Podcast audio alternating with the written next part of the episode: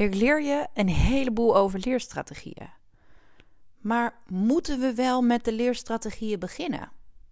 Het antwoord is nee.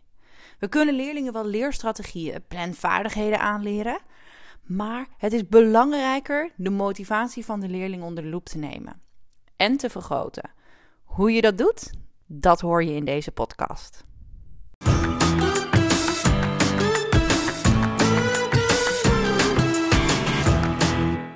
Hey, wat ontzettend leuk dat je luistert naar de podcast van het Leerlab. In deze podcast leer ik je alles wat je moet weten over leren, leren en plannen. Ik ben Laura en met het Leerlab heb ik een grootse missie, namelijk alle leerlingen in Nederland en België leren, leren en plannen. En om deze missie te bereiken zit ik op Instagram, YouTube en maak ik deze podcast. Ik geef je als docent heel veel informatie, maar ook veel tips en trucs zodat het leren en plannen leren en plannen makkelijker gaat worden voor jouw leerlingen. En ehm, het is wel heel erg, ja, het is misschien gek om te zeggen, maar het is wel heel erg vet om te merken dat dat, dat, dat steeds, ja, um, die olievlek, ja, laat ik het zo zeggen. Die olievlek gaat steeds verder en meer verspreiden. Zo gaaf afgelopen week mocht ik uh, weer een workshop geven over leren, leren en plannen aan MBO-docenten. Uh, die vorige week mocht ik uh, ook twee workshops verzorgen. af, gisteren werd ik nog gebeld. Laura, wil je na de voorjaarsvakantie een kick-off doen met studenten en docenten over motivatie? Um, dat is in Haarlem. Jongens, ik woon hier in Groningen. En af en toe, nou, het is misschien gek, maar jongens, ik moet mezelf af en toe echt even knijpen over wat hier allemaal gebeurt. Het is echt fantastisch. Het is soms zo overweldigend, maar het is zo gaaf om te merken dat um, scholen leren, leren en plannen ook steeds meer willen integreren in hun onderwijs. En ook steeds meer zien dat dat belangrijker is dan ooit. En of dat dan komt door de coronacrisis of door. Um, of dat dat sowieso al was. Um, ja, dat weet ik eigenlijk niet zo goed. Maar ik vind het echt super gaaf om te merken. En wat ook heel erg leuk is, dat plopt ineens even in me op. Misschien vind je het helemaal niet leuk om te horen. Um, na de voorjaarsvakantie ga ik ook een traject starten met een middelbare school. Um, met een VWO 4. Um, ehm, deze leerlingen uh, vinden, ze zijn erachter gekomen, deze leerlingen vinden dat leren, leren en plannen heel erg lastig. Nu ga ik in kleine groepjes met de leerlingen online aan de slag. En dan ga ik vooral met ze in gesprek over hè, hoe doe je dat? Wat weet je al over leerstrategieën? Uh, hoe gemotiveerd ben je om dat te doen? Um, maar het mooie is, ik mag, dit zijn twee VWO-klassen, mag ik ook de mentoren van deze twee klassen begeleiden. Dus we hebben meerdere uh, afspraken ingepland, zodat ik ze ook kan ondersteunen bij het begeleiden van hun klassen op die twee gebieden. Ja, ik vind dat echt fantastisch. En het is echt iedere keer zo'n cadeautje weer wat daaruit komt. Maar we gaan. Uh, ik uh, had dit helemaal niet bedacht, jongens. Sorry. Ik heb altijd wel bedacht dat ik een kleine update wil doen. Maar dit is natuurlijk een veel te lange update over mij en het leerlab. En wat er allemaal gebeurt. En dat ik helemaal overweldigd ben. Want ik wil in deze podcast gewoon jou vooral heel erg veel informatie geven. Zodat als jouw school niet aan de slag gaat, dat je nou, genoeg informatie, tips en trucs krijgt om zelf aan de slag te gaan met dat leren, leren en plannen. En deze aflevering gaat over dat motivatie op de eerste plek moet staan. Um, motivatie, ja, motivatie is echt knetterbelangrijk, dames en heren. Want uh, um, motivatie is ook vaak iets wat wat wordt overgeslagen. En ik zal je even meenemen in een voorbeeld. Stel, jij bent met één van je leerlingen in gesprek, omdat het op school even niet zo goed gaat. Of dit nou is omdat het online is, of omdat we wel straks weer fysiek naar school gaan. Ik hoop dat dat kan. Um, maar jij bent in gesprek met die leerling. En laten we die leerling ook even een naam geven, want leerling klinkt zo afstandelijk en keel. Laten we de leerling Amy noemen. Amy. Ik stel u voor aan Amy. Amy heeft geen overzicht. Ervaart ontzettend veel stress. Is heel erg moe. Um, en heeft eigenlijk geen idee wat er moet gebeuren. Doordat ze geen overzicht heeft, doordat ze geen idee wat er moet gebeuren, doordat ze stress, veel stress ervaart en heel erg moe is, komt ze niet in beweging en krijgt ze dingen niet af. Ze levert taken niet in. Uh, of ze levert taken veel te laat in. En Amy, Amy blijft maar achter de feiten. Sorry. Lekker heesje. Amy blijft maar achter de feiten aanlopen. Dat is helemaal niet fijn. Um, en jij als docent, of misschien wel de mentor van Amy, jij weet het. Jij weet direct hoe je dit kan oplossen. Je weet, Amy, Amy heeft gewoon overzicht nodig. En wat ga je doen? Je gaat direct met Amy aan de slag. Je gaat uh, samen met Amy een overzicht maken. Je brengt alles in kaart. Wat moet er allemaal gebeuren? Um, vanuit dat overzicht gaan jullie samen een planning maken. En misschien doe jij wel wat meer, omdat uh, ja, Amy weet allemaal niet zo goed hoe het moet. Um, dus jij, nou, jij maakt die planning. Super lief van je. En Amy gaat met een fantastisch overzicht en met een planning naar huis. En Amy weet precies wat ze moet doen. En in het begin gaat Amy fanatiek aan de slag met de planning. Maar er komt een probleem. Um, na een tijdje laat ze die planning toch maar uh, links liggen. Ja, ze had hem ergens in een tas gedaan of ergens in een bureau. Uh, ze kan hem nergens meer vinden. Ze heeft geen idee waar die planning is. En ach, ze merkte eigenlijk ook wel dat het ook wel, nou, het liep eigenlijk ook wel en het werkte ook wel zonder die planning. Nou ja, jij denkt, lekker hè? Uh, lekker is dat. Onwijs frustrerend. Heb jij zo ontzettend je best gedaan om Amy te hel helpen? Om uh, Amy dat overzicht te geven? Om uh, Amy te helpen bij het maken van die planning? Maar ja, het heeft allemaal niet echt geholpen, want Amy doet er eigenlijk helemaal niks meer mee. Lekker is dat. Super frustrerend voor jou. Maar niet alleen voor jou, ook voor Amy. En wat is er in dit voorbeeld gebeurd? Ik ben heel benieuwd of je weet wat hier gebeurd is. Um, even een slokje koffie tussendoor hoor. Anders, uh, hè? Anders is die straks koud. Dat is ook niet de bedoeling. En ik ken mezelf. Ik lul nogal lang. Wat is hier gebeurd? In dit geval is de motivatie overgeslagen.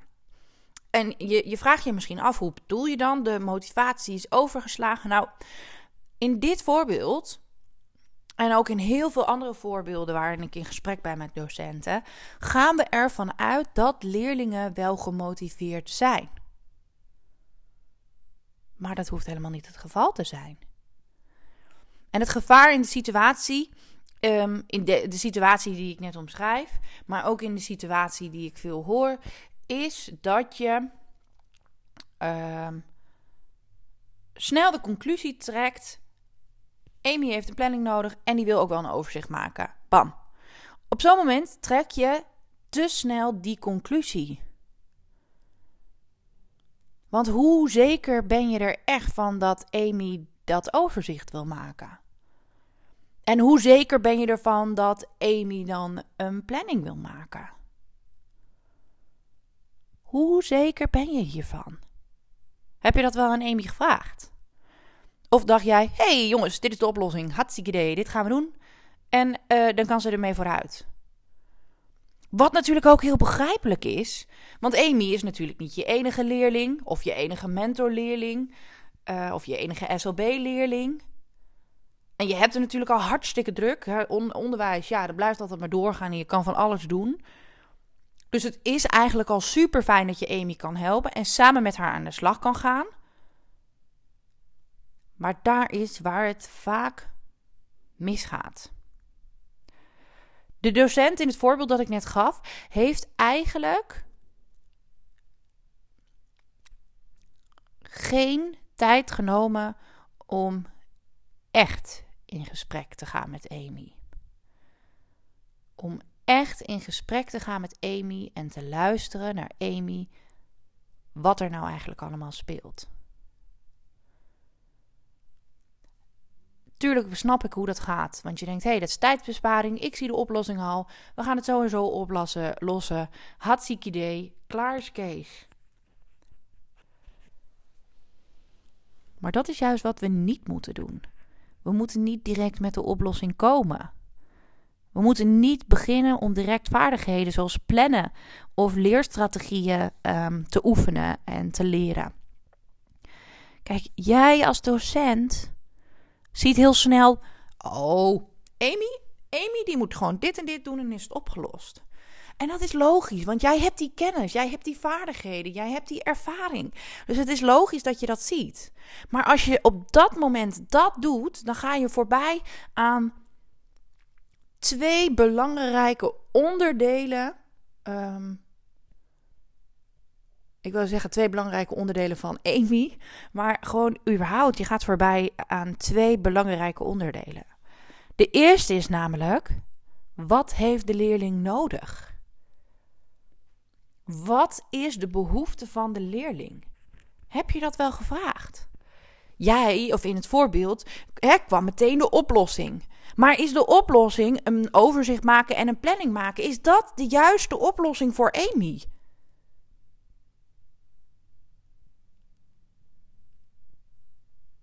Dus is dat wel die behoefte?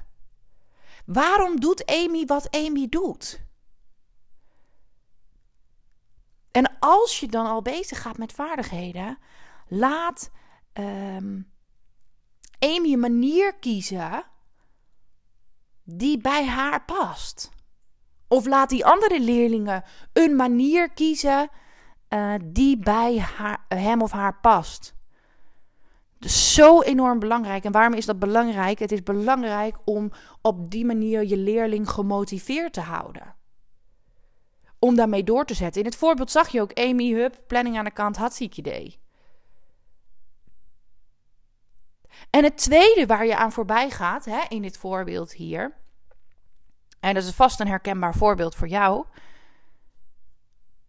ben je wel op onderzoek gegaan om te kijken of de leerling gemotiveerd is om dit probleem aan te pakken.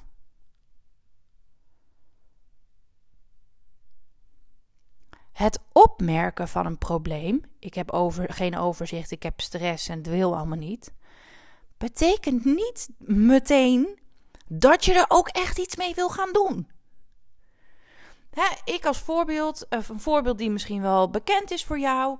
Ehm, ik weet dat bewegen belangrijk is. Uh, eigenlijk elke dag 30 minuten. Ik weet ook dat dat nodig is.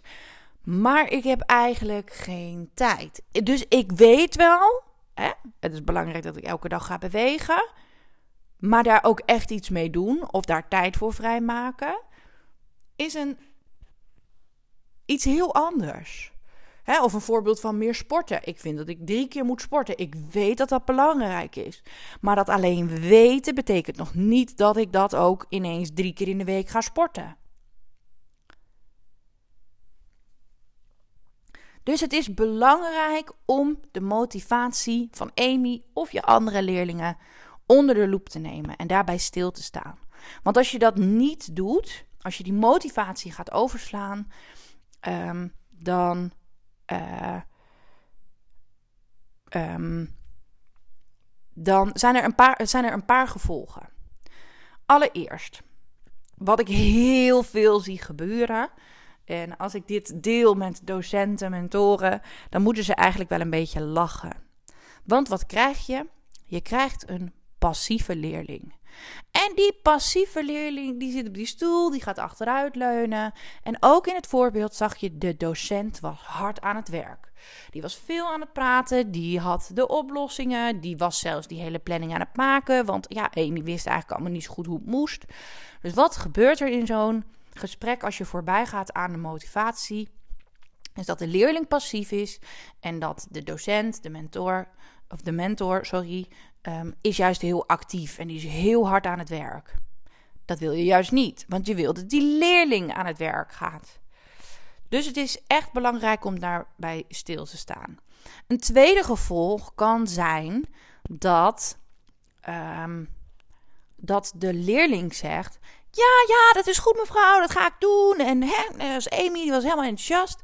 Um, Maar dat iemand ja zegt en uiteindelijk nee doet. Dus de leerling geeft gewoon sociaal wenselijke antwoorden, want dan is hij of zij af van het gezeur. Af van het gezeur van de ouders, af van het gezeur van jou als docent of als mentor. Ehm, en dit zag je ook in dit voorbeeld. Hè? Amy maakte een goede start, maar ehm, al vrij snel zag je dat ze het niet kon volhouden. Ehm, en was ze zelfs de planning kwijt. Dus dat goede gedrag, het overzicht maken en een planning maken, is van korte duur. En omdat het moet van een ander en om af te zijn van het gezeur of sociaal wenselijk antwoord te geven, dat zijn externe uh, elementen of uh, motivaties of prikkels om iets te veranderen. Maar uit onderzoek komt echt naar voren dat het dan niet makkelijk is om lang uh, dat nieuwe gedrag vol te houden. Wat er vaak gebeurt, is dat we gaan repareren. En um, nou ja, dat zie je ook wel hè, in het voorbeeld heel erg. De docent is aan het werk. En die gaat repareren wat er niet goed is. Want jij weet welk gereedschap je in kan zetten en hoe je het kan oplossen. En wat je dan eigenlijk doet, is dat je de reparatieflex inzet. En de reparatieflex komt uit de motiverende gespreksvoering. En daar heb ik uh, een tijdje geleden echt een fantastisch boek over gelezen. Ik zal hem jullie binnenkort op de, op de gram even delen. Want het is echt een, een tof boek om uh, uh, te lezen. Ga je heel veel herkenning, denk ik, ook uithalen. En eigenlijk is die reparatieflex iets heel moois. Want je wilt iemand zo ontzettend graag helpen. Je wil zo graag alles doen. Dat je iemand anders gaat repareren. En dat repareren, dat werkt niet. En die reparatieflex, die moet je gewoon eigenlijk vermijden. Um, en daarbij wil ik je uitdagen om heel erg open een gesprek in te gaan met je leerlingen en daar de tijd voor nemen. Ga een gesprek uh, over, in dit geval bij Amy. Hey, hoe komt het dat je zoveel stress hebt? Waar komt dat vandaan? Wees nieuwsgierig. Om dan nog even kort uit te leggen wat die reparatieflex is. Want ik kan me voorstellen dat je denkt: de reparatieflex, motiverende gespreksvoering. Oh, Laura, stop. Hier heb ik het, nog, uh, heb ik het nog niet. Uh, dit ken ik niet. Hier overval je me even mee. Uh, rustig, ik ga hem uitleggen. De reparatieflex is dat jij dus wilt iemand zo graag wilt helpen door te repareren. En dat doe je door verschillende dingen. Namelijk, jij wil iemand overtuigen. Uh, dat is het uh, inzetten van de reparatieflex. Oordelen. Um, en waarschuwen. Ik moet heel even kijken. Oh nee, wacht. Ik, eh, ik ben even in de war. Overtuigen, oordelen, oplossingen aandragen. Eh, ongevraagd uh, advies geven en waarschuwen. En laat ik ze allemaal even stuk voor stuk met je uh, uh, langslopen. Want we beginnen bij overtuigen. Hoe meer jij jouw leerling wil overtuigen, hoe minder de leerling gaat doen. Dus eigenlijk krijg je dan weer die passieve leerling. En die passieve leerling wil je niet, je wil die actieve leerling. Oordelen. Oordelen is ook uh, de reparatieflex. En dat kan al heel simpel. Hè? Dat hoeft niet eens te zijn um, dat jij een oordeel hebt over wat de, de, um, over de leerling, hè, dat je dat benoemt, zegt. Maar dat kan ook al in je lichaamstaal zijn. Je schouders die even opgehaald worden, een bepaalde blik, je wenkbrauw die even snel op en neer gaat. Dat zijn natuurlijk allerlei manieren om. Uh, uh, die een leerling ook ziet dat jij aan het oordelen bent. Oplossingen aandragen. Oplossingen aandragen. Um, ja, dat zit ook in de reparatieflex. Want eh, in het voorbeeld ook, Amy kreeg meteen allerlei oplossingen aangedragen en daar is mee bezig gegaan, maar dat werkte niet. En oplossingen kunnen natuurlijk werken en kunnen helpen, want jij bent expert. Jij, jij kan je leerling, jij kan je, uh, um, kan je leerling verder helpen. Maar het is wel heel erg belangrijk wanneer zet je die oplossingen in. En vraag je ook of je een oplossing mag delen of een tip mag delen. Want dan kom ik ook direct bij de volgende die bij de reparatieflex hoort. Dat is ongewenst of ongevraagd, sorry, um, advies geven. Want dat is echt niet wenselijk. Leerlingen gaan volle bak in de weerstand. Die zitten in eerste instantie helemaal niet te wachten op jouw um, ongevraagd of jouw advies, advies. En misschien herken je dat ook wel hoor. Um, en ook wel van jezelf, als iemand anders jou gaat zeggen, nou dan moet je zo en zo doen. Ik denk dan heel vaak, hoezo, dan moet ik zo en zo doen. Bepaal ik even zelf wel. En zeker toen ik ook een puber was, dacht ik het op die manier. Lekker is dat. Dus als je dan uh, een advies hebt of een oplossing hebt, is het belangrijk dat je vraagt of je de oplossing ook mag delen. hey, ik, heb, uh, ik heb een hele mooie tip voor je. Vind je het goed als ik hem met je deel? En e, echt waar, in het begin, um, toen ik dit op die manier deed, oh, dat voelde zo onnatuurlijk. Vragen of je advies mag geven. Maar echt, als je dat een paar keer gaat doen, het is echt, nou, je weet niet wat gebeurt. Je weet echt niet wat er gebeurt. En waarschuwen, waarschuwen, waarschuwen hoort ook bij de reparatieflex. Moet je ook proberen te vermijden. Want hè, wij willen gaan zeggen, um, als je niet harder gaat werken, dan blijf je zitten. Of op deze manier haal je examen niet. Waarschuwen helpt niet en valt ook onder die reparatieflex. We moeten dus af van de reparatieflex. Maar je hoort het al, het woord zegt het al, het is een reflex. En een, een reflex op iets is iets heel natuurlijks. Dus het gebeurt automatisch.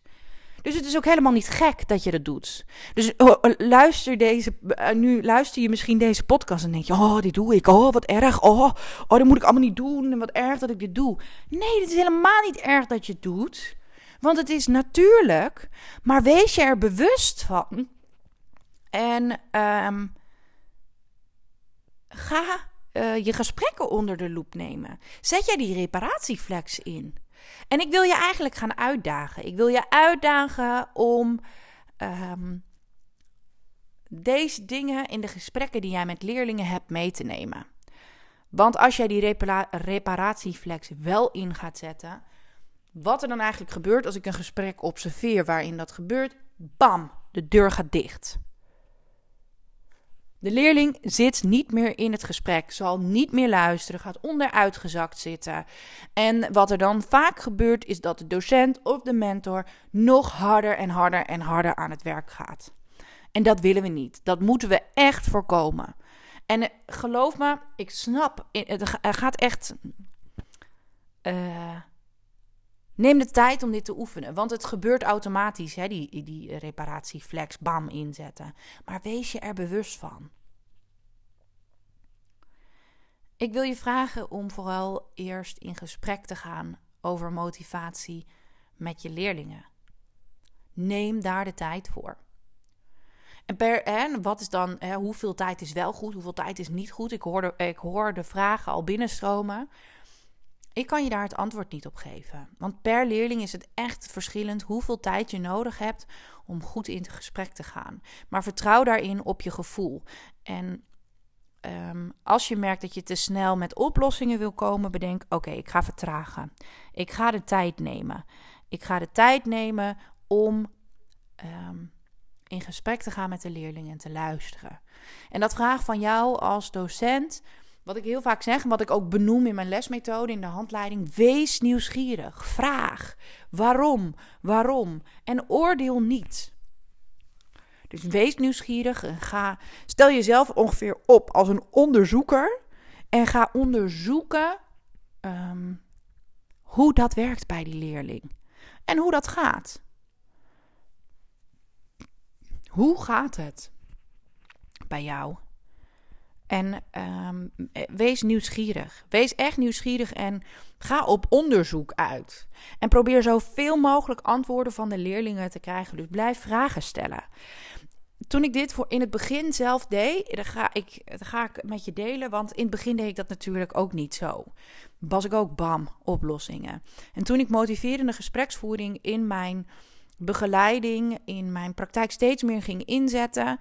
Um, nou, er viel echt een kwartje. Er ging echt iets open. Want ik zat met een leerling. Ik wist, ehm, ik wist de oplossing. De oplossing was namelijk: hè, je gaat een planning maken. Ehm, dat zag ik al heel snel. Zeker als expert op, het, op dit gebied. Ik dacht, nou, bam.